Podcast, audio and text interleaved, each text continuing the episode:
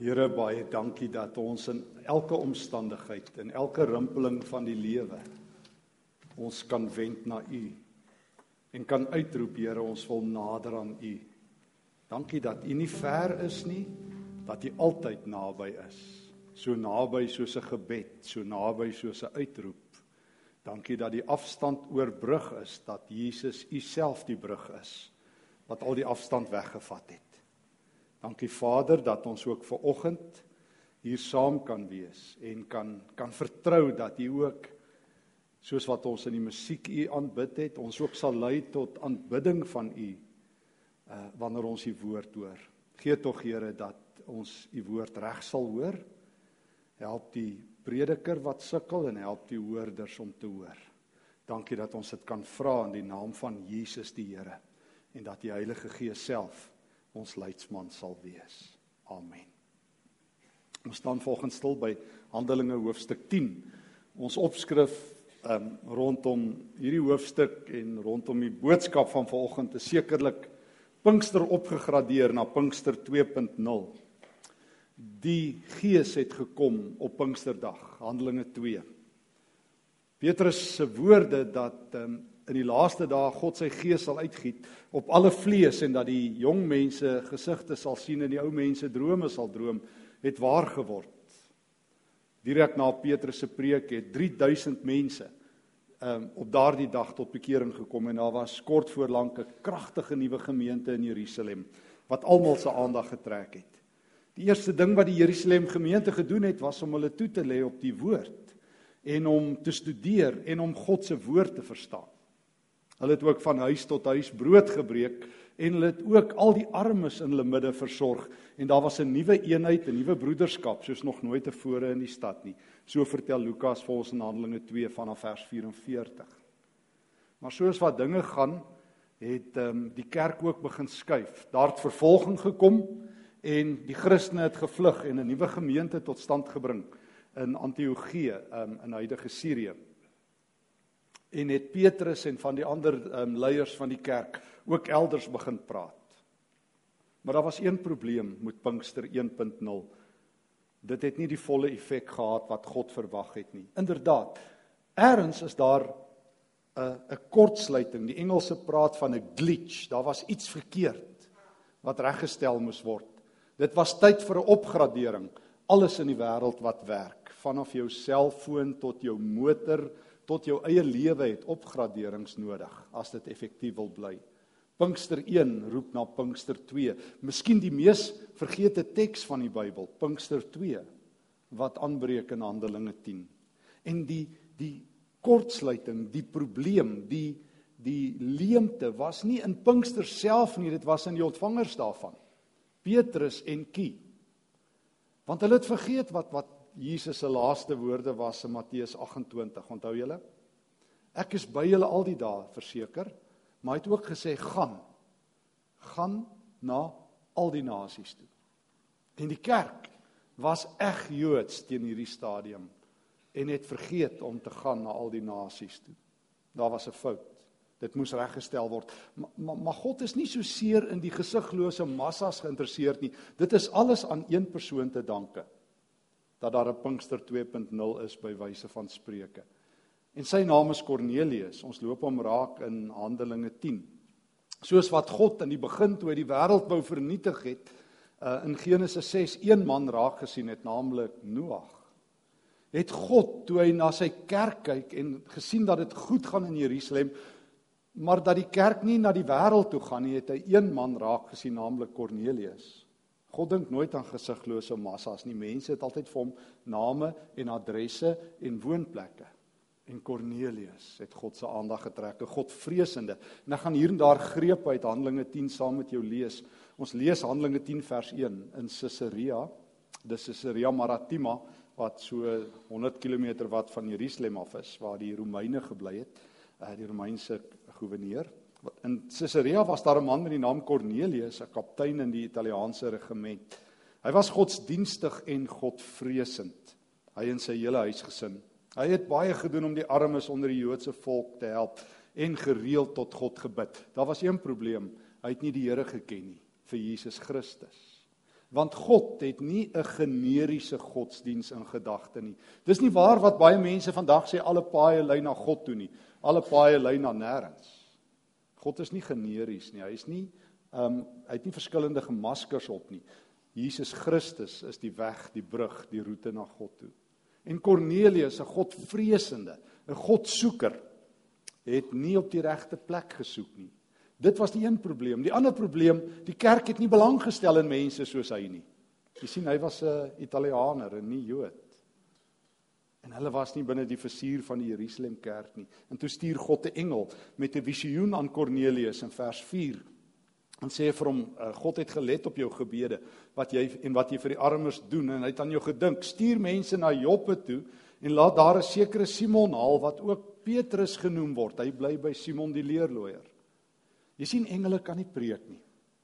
Engele is nie evangeliste nie. Engele kan nie mense van die Here vertel nie.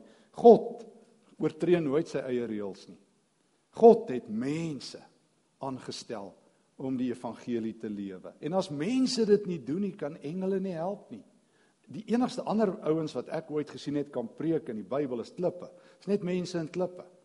Want Jesus het gesê as mense nie preek nie, sal die klippe dit uitroep. En wee ons, want ek hoor al op sekere plekke klippe uitroep in die, in die land want mense se stem het stil geraak, maar engele is nie evangeliste nie. En daarom sê die engel, jy moet vir Petrus gaan haal. Dis die eerste antwoord, probleem. En dit bring ons by die tweede probleem in die teks. Petrus het nie 'n plan nie, maar hy is nou die Here se 911 nommer. Petrus is so lekker knus in sy Joodse teologie toegewikkel dat nie eers die Gees hom daaruit gekry het na Pinkster 1 nie. En dis jou dilemma wanneer jy 'n kenner is, wanneer jy die leier is, wanneer jy die ekspert is. Ek meen almal het na Petrus opgekyk. Hy was die stem van die vroeë kerk. En hy het 'n blinde kol gehad. En toe die skokkendste openbaring ooit in die hele Bybel vir my in elk geval. Daar is geen meer skokkende openbaring as wat hier afspeel nie. God is bereid om sy eie woord te opgradeer, om die Ou Testament, Levitikus 11 uit die Bybel uit te haal as te ware of dit te omswaai. Want Levitikus 11, godsdiens het Petrus gekeer om uit te reik na nie Jode. En toe kry hy die openbaring van alle openbarings. Petrus sit daar in Joppe, dit is middagete en hy's honger en die kos is nie klaar nie, toe dink hy moet maar bietjie gaan bid. En toe gaan hy daar op die dak waar Jode gewoonlik gebid het, daar teen die Mediterrane See. En toe gaan hy volgens vers 10 in 'n geestesvervoering. Hy het die hemel oop gesien en iets soos 'n groot doek aan sy vier punte is neergelaat en kom aarde toe. Vers 12, daar was van al die viervoetige en kruipende diere van die aarde en van al die wilde voëls. En as jy Levitikus 11 lees, was alle Jode verbied om aan sulke kos te raak of te eet. En dan lees ek 'n geweldige ding vers 13. Petrus hoor toe 'n stem wat vir hom sê: "Kom Petrus, slag en eet." Maar Petrus sê: "Nooit, Here." Net vir 'n oomblik, kom stop vir 'n oomblik. Ons hoor almal wie praat met Petrus. Dis nie 'n engel nie, dis God. Petrus weet dat hy antwoord die Here. Dit is nie 'n liggewig opmerking nie. God sê, hoor mooi, God sê: "Petrus, slag." Petrus sê: "Ek sal nie." Dink soos 'n stout kind, ek sal nie. Daar's nie 'n manier nie. Here, ek is nie so groot gemaak nie soos baie mense vir my sê. Jy weet, ons het nie so groot geword nie. Here, ek is nie so groot gemaak nie. Ek is 'n goeie kind en ek gaan my nie eens aan U steur nie want godsdiens kan jou van God isoleer. Ek ken baie mense en ek eh, ek het al agtergekom godsdiens is die beste wegkruipplek vir God. Godsdiens maak jou nie godsdienstig nie of dit maak jou op die verkeerde manier godsdienstig. Jy het hierdie reëls en hierdie wette en lewenslank is jy in hierdie rad, in hierdie groef en dan gaan jy maar so aan. Ek sal dit nie doen nie, Here. Ek het nog nooit iets geëet wat onheilig of onrein is nie. Ek het nie so groot geword nie. Iemand sê dit nou die dag weer vir my. Sê ek maar as jou opvoeding so godsdienstig dat nie eens die Bybel dit kan verander nie. My ma het my ook goed groot gemaak, maar sy het my nie altyd reg groot gemaak nie en ek dieselfde met my kinders. Ek is bereid om die Heilige Gees as my leermeester te vat eerder as my familie. Wat ek dink ons almal behoort te doen. En dis die punt hierso. Petrus se familie het hom so groot gemaak en sy godsdiens het hom so groot gemaak. Hy hoor die stem toe weer, vers 15, die tweede keer wat sê wat God rein verklaar het, mag nie onrein ag nie. God sê Levitikus 11 is hy diens gestel. God sê die Nuwe Testament is hier, Petrus. Dis nie meer die tyd van rein en onrein kos nie, want jy sien die dilemma het gekom. Die Jode en tot vandag toe eet wat mens noem kosher kos. En dit beteken jy kan nie sekere kosse saam eet nie. En die Jode het dit streng gehou. Daarom het hulle van onrein kos die volgende skuif gemaak na onrein mense.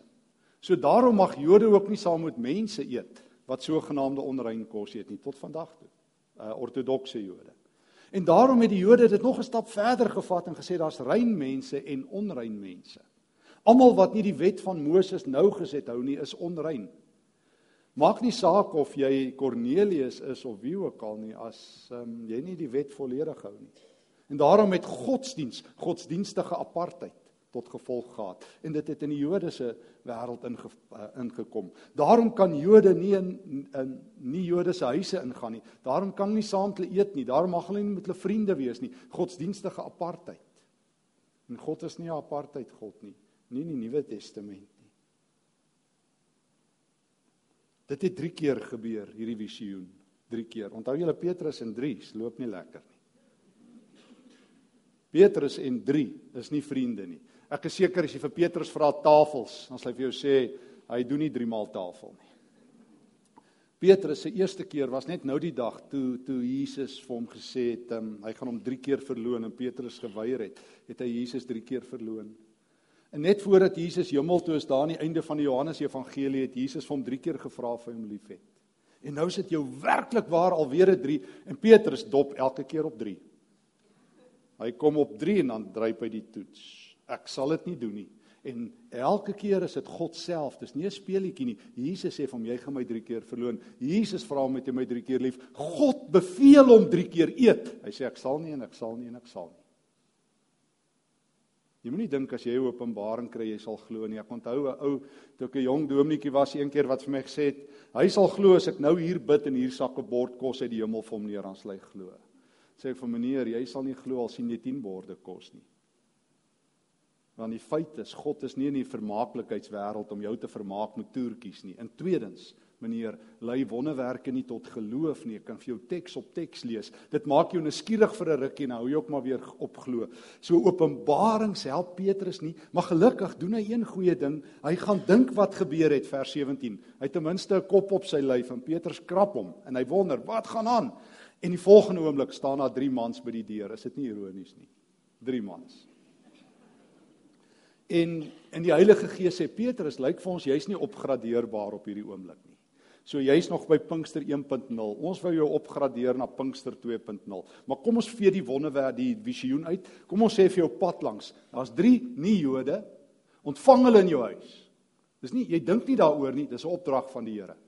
Jy het nie die keuse nie. Petrus, jy het nie meer 'n spyskaart. Ek sal met Jode oor die weg kom. Maar Here, jy weet ek's mos 'n Jood. Ek's nie so groot gemaak nie. Ek meng nie met nie Jode nie. Daai daai those days are gone and over. Jy bepaal nie. Jy dra Jesus se kruis. Dis die opdrag. Ontvang hulle in jou huis. En vir die eerste keer in die Christendom ontvang 'n Jood nie Jode om daar te slaap. Dis 'n skokkende ding. Maar God speel nie speelietjies nie. Hy bied nie vir jou 'n spyskaart aan, ook nie in Suid-Afrika nie. Hy sê nie vir jou, o, omdat jy afgedank is en regstellende aksie jou ingehaal het of omdat van jou familie dood is, hoef jy nou nie meer 'n naaste liefde te glo nie. Kom ek kyk vir jou wat op die spyskaart werk vir jou nie. Jy dra Jesus se kruis. En jy gradeer op na Pinkster 2.0 of die Gees se vuur koel af in jou lewe of die wind waai nie meer in jou lewe nie. Daar is nie kompromie nie. En toe ontvang Petrus hulle en toe sê hulle vir hom van Kornelius. En toe sê Petrus laat ons gaan. En die volgende dag vers 3:24 is hulle op pad Caesarea Maritima toe. En toe hulle daar aankom, toe staan Kornelius soos 'n hele erewag van familie en hy dink hy moet Petrus selfs aanbid en Petrus keer hom. En Petrus sê vir hom wat nou hier gebeur, vers 28, is baie skokkend. Hy sê ek mag dit nie doen nie, maar God het my anders oortuig. Is dit nie mooi nie? Hy sê ek het nie so groot geword nie, maar gaan waaragtig nie so oud word nie soos wat ek is nie. Ek kan verander. Ek kan verander. George Barna bevind meeste bekerings vind plaas voor voor ouderdom 11 in navorsing. Jou kans om na 11 tot bekering te kom is so is neem af van 70 na 30%. Meeste mense se teologie is gevorm teen ouderdom 12 het hulle nagevors. Daarna vat hulle net in die kerk wat hulle wil hoor. En en moet ek eerlik wees, ek is niks anders nie. Ek ek is dieselfde. Maar ek sien keer op keer selfs ook hier dat mense die woord hoor en dan dan's hulle woedend vir jou want dit bots met hulle wêreldbeeld en hulle is nie bereid om te hoor wat God sê nie. Hulle is nie bereid om op te gradeer na Pinkster 2.0 nie. En ek is ewe skuldig. En as Petrus moes leer, wie is ons om nie te leer nie? Die eerste ding wat hy vir Kornelius sê toe hy begin preek, vers 34. Waarlik, ook ek begryp dit nou die eerste keer. Die leier van die kerk, is dit nie mooi nie? As jy nie jou hele lewe bereid is om onder die woord te wees en onder die gees te wees nie, sal jy nie groei nie. As jy vir my sê jou geestelike lewe is lou en flou, daar gebeur niks, dis windstiltes, jy voel nie meer die vuur van die Here en die krag van die Gees nie, is dit nie dalk die rede nie. Jy's dalk nog by Pinkster 1.0. Dis nodig vir 'n opgradering.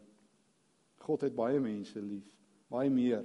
God het mense lief van wie jy en ek niks hou nie. God hou van mense van wie ons niks hou nie. God is nie soos ons nie. Hy het nie 'n klein vriendekring nie. Hy hou van baie mense. Hy hou van mense wat nie glo nie, mense wat ander kulture het, en mense wat verlore is. Hy hou van mans en vrouens en kinders en jong mense. Hy hou van Grieke en Jode en Zulus en Afrikaners. Hy hou van bloubil ondersteuners en nie bloubil ondersteuners. God hou van baie meer mense as jy en ek. God het mense lief. Dis God uit 'n ruim hart. Nee nee, uit Kornelius lief. Kornelius die nie Jood. En daar's een manier hoe God jou gaan verander en my gaan verander. Sy gees gaan in ons begin waai. En dan dan gaan ons die evangelie kan deel. Jy sien tot nou toe was was Paulus ag was Petrus 'n baie goeie Christen Jood. En Kornelius 'n baie nie Joodse uh, gelowige wat Christus nodig het. En toe het hy 'n waarlike gelowige geword. Maar vanaf die Gees kom, het jy nie meer die luukse om dubbele burgerskap te hê nie. Ek het groot geword in dubbel burgerskap. Ek was 'n Christen Afrikaner tot ek Efesiërs gelees het. Toe sien ek ek kan nie meer dubbel burgerskap hê nie. Ek kan nie met twee paspoorte reis nie. Ek ken baie mense in Suid-Afrika. Ek nouydag met 'n swart vriend van my gepraat, sien ek jy's 'n Zulu Christen. Is tyd om jy net 'n Christen is. Paulus skryf dit. Paulus het dit so mooi verstaan, die ou wat so super Jood was toe hy tot bekering kom. Toe vertel hy in Efesiërs 2 vers 11, hy sê hou in gedagte wat julle vroeër was. Van geboorte was julle heidene en julle was onbesnedenis deur die klomp besnede Jode. Julle was sonder Christus. Hy sê maar nou vers 13 van Efesiërs 2 is julle een met Christus. Julle almal wat ver was, het naby gekom deur die bloed van Christus. Christus is ons vrede, hy wat nie Jode en Jode een gemaak het deur sy liggaam te gee het hy die vyandskap afgebreek wat soos 'n muur staan. Daar's 'n nuwe mensheid. Christene is die derde geslag. Jy het Jode en nie Jode, nou het jy Christene. Welkom by Pinkster 2.0 Petrus, Paulus, KSM, die rimpeling van die Gees en net die kerk hou die sleutel om eenheid in hierdie land en in die wêreld te bring. En daarom kan Petrus vir vir vir vir Kornelius die evangelie verkondig. Hy vertel van Jesus in vers 38. Julle weet van Jesus van Nasaret. Eh, dat God hom met die Heilige Gees gesalf en met krag toegerus het. Hy het rondgegaan en oral goeie werke gedoen en ons is getuies vers 39 van wat hy in die Joodse land gedoen het. Hulle het hom doodgemaak deur hom aan 'n kruis te hang, maar God het hom op die 3de dag opgewek. Uh en en hom laat verskyn nie net aan die hele volk nie, maar uh, uh, nie aan die hele volk nie, maar net aan ons wat God gekies het. Vers 42 het ons opdrag gegee om aan die volk te verkondig. Ehm um, dat dit hy is wat deur God aangestel is. Vers 44 en terwyl Petrus nog praat, het die Heilige Gees gekom op almal. Toe breek Pinkster 2.0 los. Toe die Joodse gelowiges wat saam met Petrus gekom het, toe hulle hoor hoe die mense ongewone tale en klanke gebruik en God prys, was hulle baie verbaas dat die Heilige Gees as gawe uitgestort is op mense wat nie Jode is nie. Maar dis wie God is. Hy hou van so baie mense. God kan dit nie vat dat Jode en nie Jode hom nie ken nie. God wil 'n nuwe mensheid tot stand bring. God wil sy liefde uitstort en hy wil jou en my gebruik. Dilemma. Ons kry dit nie goed reg nie. Laat ek namens myself praat. Ek onthou in my studente dae het ons gedurig sulke uitreike gehad op Varsity en dan moet ons uitgaan en die um, vir mense gaan vertel van Jesus en dan soos ons in die aande terugkom, dan moet ons nou 'n bietjie verslag lewer hoeveel mense die Here gevind en ek het altyd 0 gehad. 0. 0. 0. En so teen jaar 3 is ek nie meer gevra om saam te gaan op evangelisasie uitreike nie. Want ek is nie baie suksesvol nie. En ek was nog my hele lewe mismoedig daarmee want ek voel ek wil 'n getuie wees en ek wil ook daarom eendag soos almal sê in die kerk iets vir die Here beteken. En toe ontmoet ek 'n Amerikaanse vriend. Hy het 'n paar boeke geskryf oor evangelisasie, Jim Henderson. En Jim het my vertel, verskoning, van sy heel beste preek wat hy ooit gehou het. Jim sê hy het agtergekom hy is 'n evangel, eh, evangelis mislukking. Hy kom nie oor die straat nie. Hy vertel vir mense ons moet die Here dien, maar hy kry dit nie reg nie. En toe besluit hy, toe kom hy agter sy gemeente kry dit ook nie reg nie. Toe hou hy eendag 'n preek daar in Seattle, toe sê hy van vandag af is evangelisasie verbode. Niemand is meer getuies vir die Here nie, want ons kry dit nie reg nie. So kom ons stop, kom ons broei onsself warm, kom ons hou lekker kerk en ons vergeet die res. En ons is bang vir hulle en ons sê naasty dinge oor hulle. Maar kom ons het lelike dinge. En ons sit net hierso en ons broei onsself warm en ons sê net kyk hoe sleg is die wêreld. En toe sê die mense van hom, "Pastor, but you can't do that." Hy sê, "Ek het dit nou net gedoen. Ek het aangekondig evangelisasie verbode." Dis die bordjie by ons kerk. We're a non evangelist uh, evangelistic church of so iets het hulle opgesit by hulle kerk. En toe sien mense kwaad vir die pastoor, sê dit kan nie so gaan nie. Sê hoekom nie? En toe kom hulle agter Pinkster 2.0 is in hulle gemeente nodig. En ek het by hom 'n paar dinge geleer. En ek het uit die woord uit 'n paar dinge uit die aard van die saak geleer.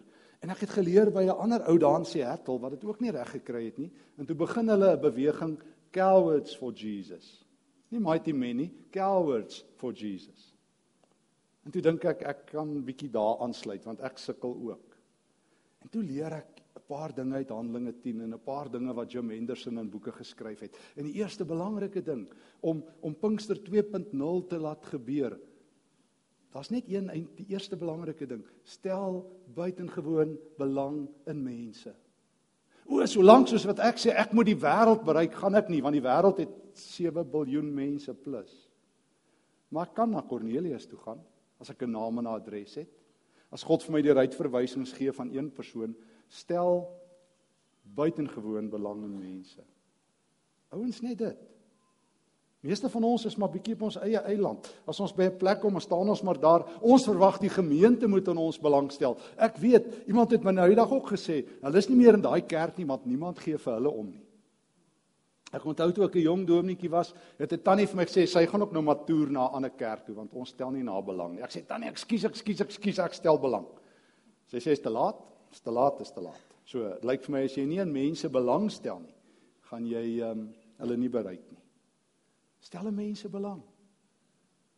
Ehm um, stel aan mense wat anderster as jy belang. Ek het ek het 'n storie gelees en ek wil dit graag weer kortliks deel wat ek so so 2 jaar terug op Facebook gelees het. Ek ken nie ou van geen kant nie, maar hierdie storie het my so aangegryp dat ek dit gekopieer het en afgelaai het. En die ou se naam is Pieter Weppener. Hy skryf die volgende storie. Hy sê ek was ek was die week in Appington en ek sien twee ou mense stap rus rus vanaf die taxi rank in die rigting van Pabalello, dis die township. Ek het hulle 3 keer gesien en na so 3 ure nadat ek hulle die eerste keer gesien loop het, loop ek loop ek hulle weer raak daar by die sportgronde naby die Spar daar in Appington waar hulle twee kies in die hitte onder 'n skadieboom rus. Ek stop toe by hulle. Hoor nou, ek stop toe by hulle. En nou Andries vertel my hy is 70 jaar oud en hy kom van die kliniek af want hulle soek papiere by hom om sy pensioen te betaal. Ek vra toe waarheen hulle stap. Hy sê Obi, ons gaan Pabalello toe. Ek sê hoe ver is dit? Hy sê nie Obi is so 1 km. Kan ek julle nie saam met my met my bakkie soontoe vat nie? Nee, wat Obi? Jy sal ver deur moet omry en jy gaan jou tyd mors. Ons stap. Het julle iets geëet vandag vra ek? Nog nie Obi. Sarah sê ehm um, sy het vanoggend guara goedjies uitgehaal en sy gaan dit net nou kook. Ek weet nie wat is dit nie, maar dit klink so. En hulle lyk baie opgewonde. Ek krap in my beursie en ek kry 'n paar 10 rand note en 'n paar 20 rand note en agter die seat kry ek 'n 2 liter Coke. Ek gee dit vir die twee en Andri sê: "Sarah, toe hy na sy vrou kyk, Die Here het ons vandag weer nie vergeet nie. As ek 1000 rand in my beursie gehad het, sou ek dit ook vir hulle gegee het. Ek vra of ek 'n foto van hulle twee kan neem en Andri sê, "Hoe kan ons dan nou nie laat 'n engel van die Here nie 'n foto van ons neem nie? Die Here wil seker sien hoe ons lyk." En toe die kamera klik, lig hy sy hande en sê, "Dankie Here." Dit was een van die amazingste oomblikke van my lewe. Ek het soveel om dankie te sê. Dankie Here.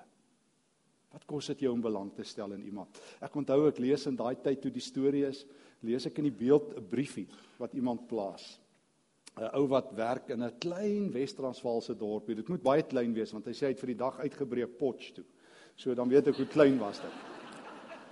So en hy vertel dat ehm um, toe hy die aand terugry in sy dorpie, toe sien hy daar by die vulstasie. Ehm um, ehm um, is daar nog ouens wat brandstof ingooi en hy sien daar's die koeldrankmasjien en hy's dors en hy stap na daai koeldrankmasjien toe om sy geld in te gooi.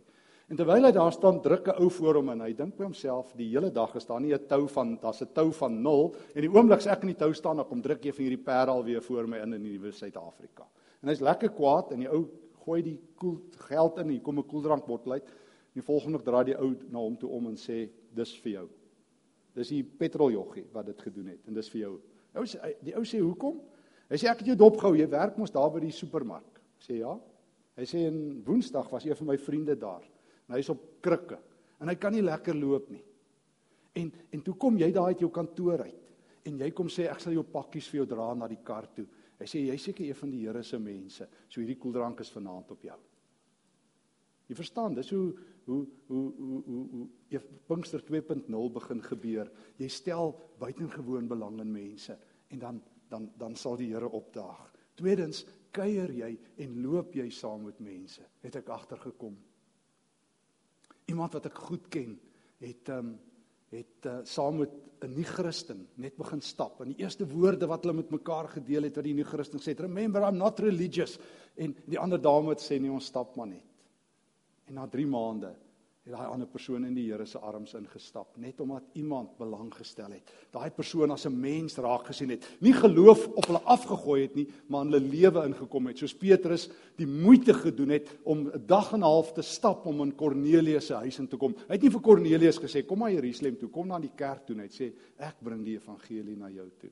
Gaan stap saam met mense, eet saam met mense.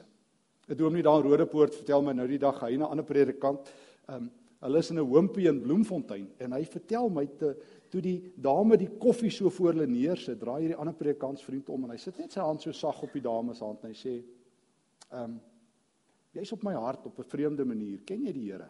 Daar bars die vrou in trane uit. Hy vertel haar van Christus soos wat Petrus vir Kornelius vertel het. Sy gee haar lewe vir die Here. En hierdie dominee Pel van my sê, jy weet, ek probeer my mense oplei vir evangelisasie. Ons kom nie eens oor die straat nie, maar maar hier sit ons in die hoompie in Bloemfontein en hier kom die vrou tot bekering. Hy sê en dis nie al nie. 5 minute later kom hierdie vrou met 'n vriendin ingestap. Sy sê, hierdie man sal jou vertel van die Here. Sy sê hierdie hierdie vrou, hierdie vriendin vir my, sy het ook die Here nodig. Toe sy al klare evangelis. Wat sal nie gebeur as ons nie net kerk toe kom nie, maar kerk in die wêreld gaan wees in kleurblind, in statusblind en armoedeblind sal wees en sal help. Leonard Sweet se woorde het my al so bang gemaak. Hy sê it's one thing to have a heart for the poor. It's another thing to use their toilets. Jacques Strydom sê die probleem is nie dat ons nie omgee vir armes nie. Die probleem is dat ons niemand ken wat arm is en by hulle lewe betrokke is. Petrus, die Gees het hom op 'n ander bladsy gevat. En nou sê jy vir my, maar ek is al so benadeel deur ander mense. My wit vel of my swart vel of dat ek te jonk is of te oud is. En dan onthou ek altyd die groot filosoof Immanuel Levinas, seker die grootste filosoof van die vorige eeu in Europa. Levinas het in Frankryk gebly en in die Tweede Wêreldoorlog was hy in die was hy in die Franse weermag, maar hy was toe al 'n beroemde filosoof. En in 1940 word hulle groep omring deur die naad deur die Duitsers en hy word 'n krygsgevangene in Duitsland in Hannover vir 5 jaar. En toe hulle hoor hy's 'n Jood, was dit vir hom toe sy apartheid hanteer. Na die oorlog toe hy vrygekom het, terug Lituanië toe, sy geboorteland. En hy het agtergekom sy hele familie is uitvermoor in Auschwitz, net hy het oorgebly. Later het sy vrou en kind uh oorleef te danke aan 'n Christen wat belang gestel het. het 'n Christen, Levinas se vrou en dogter gaan wegsteek in 'n klooster, het Christene hulle ontferm oor hierdie Jood en sy lewe gered. O Levinas was nie verbitterd nie. Al het 6 miljoen van sy mense gesterf, het hy het hy 'n filosofie begin met die vraag van van Genesis 4 wat Suid-Afrikaners vir vir onsself moet vra. Want ons is besig met ons godsdiens en al, wit, swart, ryk, arm, uh, maak nie saak wie nie, is ons besig om die Kain roete te loop van Genesis 4. Is ek my broer se wagter? Hulle het droog gemaak. Dan sê Lefinas, o jy is. En jy moet kyk na iemand anders totdat jy in hulle oë kyk en die ander met 'n hoofletter God raak sien.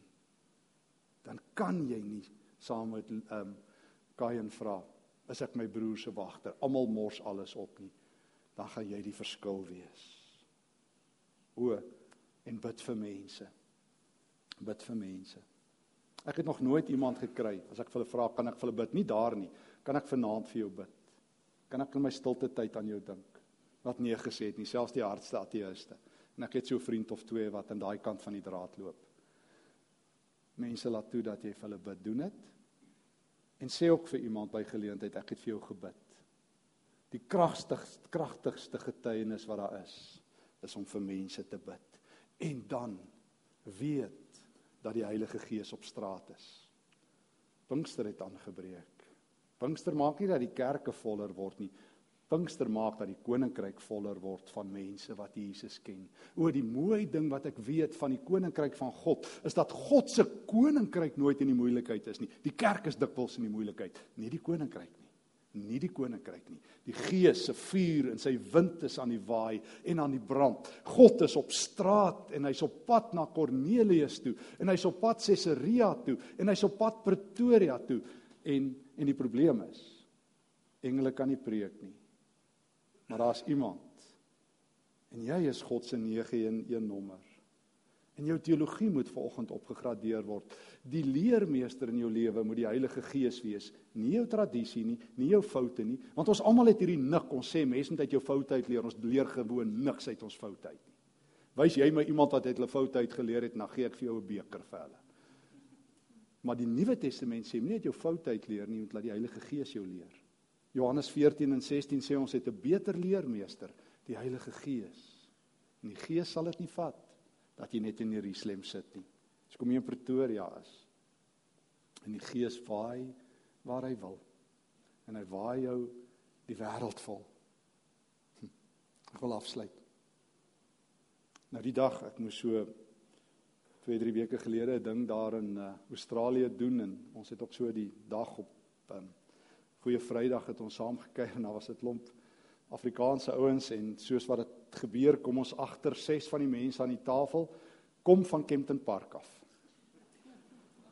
En uh, soos wat ons sit en gesels, ry ons dinge uit en ehm um, en op die ouens vra mense vir my waar bly ek? Ek sê ek bly nog in Kempton Park. Ek sê ek's van die min Oostranders wat teruggaan. Almal kom van die Oostrand af. Ek gaan altyd terugsoek. Ek sien die vrou frons so. En so die middag toe ons almal so uitmekaar gaan toe, hulle so groet en uitstap, kom sy weer terug gehardloop en sy sê, "Gaan nie regtig terug Kenton Park toe." Ek sê, "Van weet jy, dis dit. Dis dit." Want God het nie net Sydney lief nie, hy het ook Kenton lief en hy het ook Pretoria lief. En God wil sy mense oral ontplooi. Sê ek vir. En daarom is ons in Suid-Afrika op hierdie oomblik. Al is mense so ver van mekaar af, al is rasisme die ergste ooit, al brand die land, dan kom die Heilige Gees en sê my vuur is sterker. O wanneer die Gees in jou brand, dan dan waai hy al hierdie hierdie dinge uit jou weg deur sy wind van van hoe jy groot geword het en hoe jy verontreg is. En dan kom die Gees en hy laat jou na Kornelius toe stap en dan op 'n dag val die vuur van die gees. Dan op 'n dag as jy saam met iemand stap, kom hulle tot bekering. Dan op 'n dag gebruik God die ou lafaards. En ewe skielik is die wêreld een persoon beter en twee persone beter. Feit is, jy en ek kort 'n dringende opgradering. Die wind van Pinkster waai stormsterk. Die tsunami is in die wêreld losgelaat. God het jou op sy 9 in 1 lys om die verskil van een te gaan wees Stel buitengewoon belang in mense. Gaan kuier saam met mense. Gaan stap saam met mense, gaan eet saam met mense. Bid vir mense. En Pinkster sal in die dorp wees. Amen. Dankie Here dat u woord helder en duidelik is. Dis ons wat dit troebel maak. Dis ons wat in die pad staan van die rimpelinge van die Heilige Gees. Ons wil bid Here dat U volgens ons almal opnuut sal raak deur die Heilige Gees. Vergewe ons dat ons tradisie, ons vrees, ons godsdiens, ons opvoeding, ons beroep, ons menswees keer dat die Heilige Gees deur ons vloei. Here, ons is onseker. Ons is bekommerd. Maar laat die vrede van Christus oor ons neerdal. Laat die krag van die Heilige Gees in ons brand. Dat ons nuwe liedere sing en nuwe musiek maak.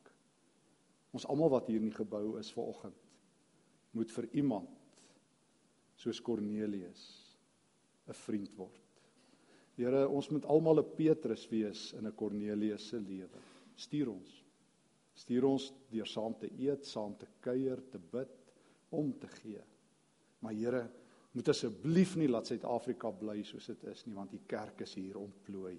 Dat ons asseblief nie wegkruip in bomskuilings nie, want Here, U het ons geroep om die krag van die Here te leef en uit te leef.